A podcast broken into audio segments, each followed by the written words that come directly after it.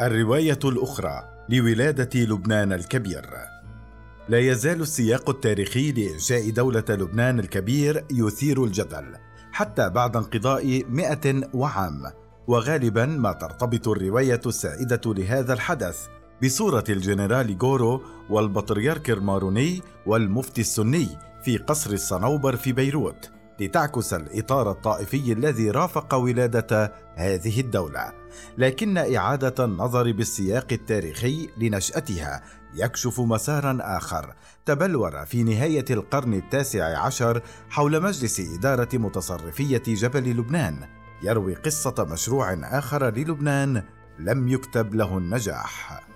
انسحاب العثمانيين مع انسحاب العثمانيين من الولاية العربية في أيلول 1918 استأنف مجلس إدارة متصرفية جبل لبنان عمله وتولى مسؤولية حكومة الجبل لمدة عشرين شهرا بين 1918 و 1920 طرحت مشاريعا ووعودا عديدة ومتضاربة لإدارة المنطقة خلال هذه الفترة.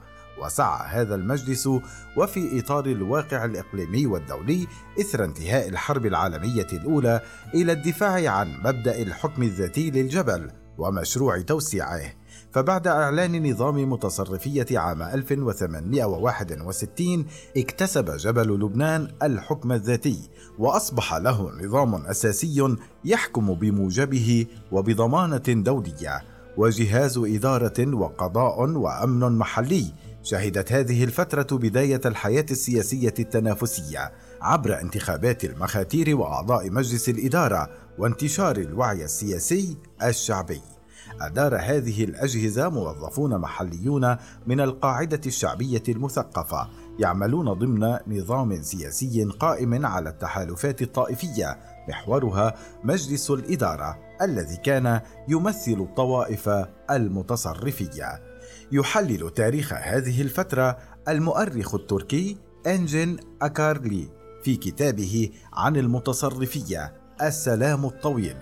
ويشرح أن نتيجة هذا التفاعل أو السلام الطويل بين طوائف جبل لبنان صعود حركة علمانية فيه وتحول تدريجي من مفهوم الكنيسة المارونية للبنان إلى مفهوم شبه وطني واسع يؤكد التعايش السلمي. دافع عن هذا المفهوم نخبة ليبرالية معظمها من الطبقة الوسطى المتعلمة في مدارس وجامعات الإرساليات تمثلت في أواخر القرن التاسع عشر بأغلبية أعضاء مجلس الإدارة وطالبت بتوسيع حدود المتصرفية وبإدارة ذاتية موسعة وبتقليص نفوذ المؤسسات الدينية. إذا وقبل اندلاع الحرب العالمية الأولى بدت المتصرفية مستعدة للاستقلال نظريا على الرغم من التحديات الاقتصادية ومعدلات الهجرة المرتفعة. مع انتهاء الحرب العالمية الأولى عام 1918 عقد مؤتمر الصلح في باريس وتم الاعتراف بالمجلس حين توافقت مواقفه مع المصالح الفرنسية كممثل رسمي للبنانيين أرسل المجلس وفودا إلى المؤتمر وحملت مطالب الاستقلال والتوسيع والدعم الفرنسي. في هذه الأثناء كانت فرنسا تفاوض الأمير فيصل ابن الشريف حسين الذي حصل على وعد بريطاني بإنشاء مملكة عربية هاشمية على إقامة دولة سوريا تحت النفوذ الفرنسي. وعندما تم التوصل إلى اتفاق مبدئي بينهما في أبريل 1919 رد مجلس الإدارة بإعلان استقلال لبنان بصفته ممثلا لشعب لبنان. ولاحقا طلب المجلس من البطريرك الماروني إلياس لحويك ترأس الوفد الثاني إلى فرنسا وهو الذي حصل على ضمانات بشأن الاستقلال والحدود في تشرين الثاني 1919 إعادة النظر بالسياق التاريخي لنشأة دولة لبنان الكبير. يكشف مسارا آخر تبلور في نهاية القرن التاسع عشر حول مجلس إدارة متصرفية جبل لبنان يروي قصة مشروع آخر للبنان لم يكتب له النجاح. تدهورت العلاقات بين الأمير فيصل والفرنسيين وفي السابع من آذار 1920 أعلن المؤتمر السوري العام استقلال المملكة السورية وفيصل ملكا عليها. اعترف المؤتمر بحق استقلال جبل لبنان شرط تجنب النفوذ الأجنبي. وضمن حدود ما قبل الحرب. رفضت الكنيسة المارونية ومجلس الإدارة القرار لكن سرعان ما تبدل الموقف واعترفت الحكومة السورية بحق اللبنانيين في الاستقلال الكامل. وشرعية توسيع الحدود شرط التخلي عن طلب الدعم الفرنسي أو قبول الانتداب الفرنسي. وتزامنا مع تدهور العلاقات مع فيصل والتدخلات العسكرية الفرنسية في إدارة الجبل وعدم احترامها مبدأ الحكم الذاتي أعلن المجلس في العاشر من تموز استقلال لبنان التام وضرورة توسيع الحدود والرغبة في الحياة والعيش بسلام ورفض الانتداب الفرنسي. كان هؤلاء أصحاب رؤية ليبرالية للبنان. حيث يشكل الدين أساس الهوية الثقافية الفردية دون أن يكون العنصر الأساسي في نظام الحكم كما وكانوا من دعاة نظام ديمقراطي تشاركي متاثرا بالغرب يأخذ بعين الاعتبار التقاليد السياسية المحلية يكون وسيلة رئيسية للحفاظ على سبل التقدم والسلام الداخلي. مع الأزمة الراهنة والصراع على هوية دور ونظام لبنان تطرح تساؤلات عديدة.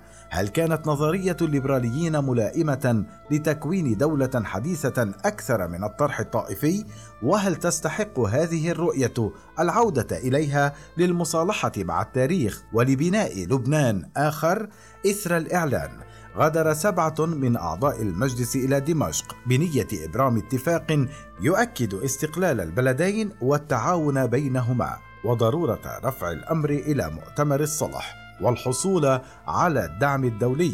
اعتقل الجيش الفرنسي الوفد على طريق دمشق وتمت محاكمة أعضائه أمام محكمة فرنسية عسكرية بتهمة التآمر والخيانة العظمى وبيع لبنان للمشروع الهاشمي والتخلي عن فرنسا الحامية الأبدية للبنان واللبنانيين. هكذا أسكت الفرنسيون صوت المعارضة الرئيسي في جبل لبنان بحل مجلس الإدارة ونفي أعضائه.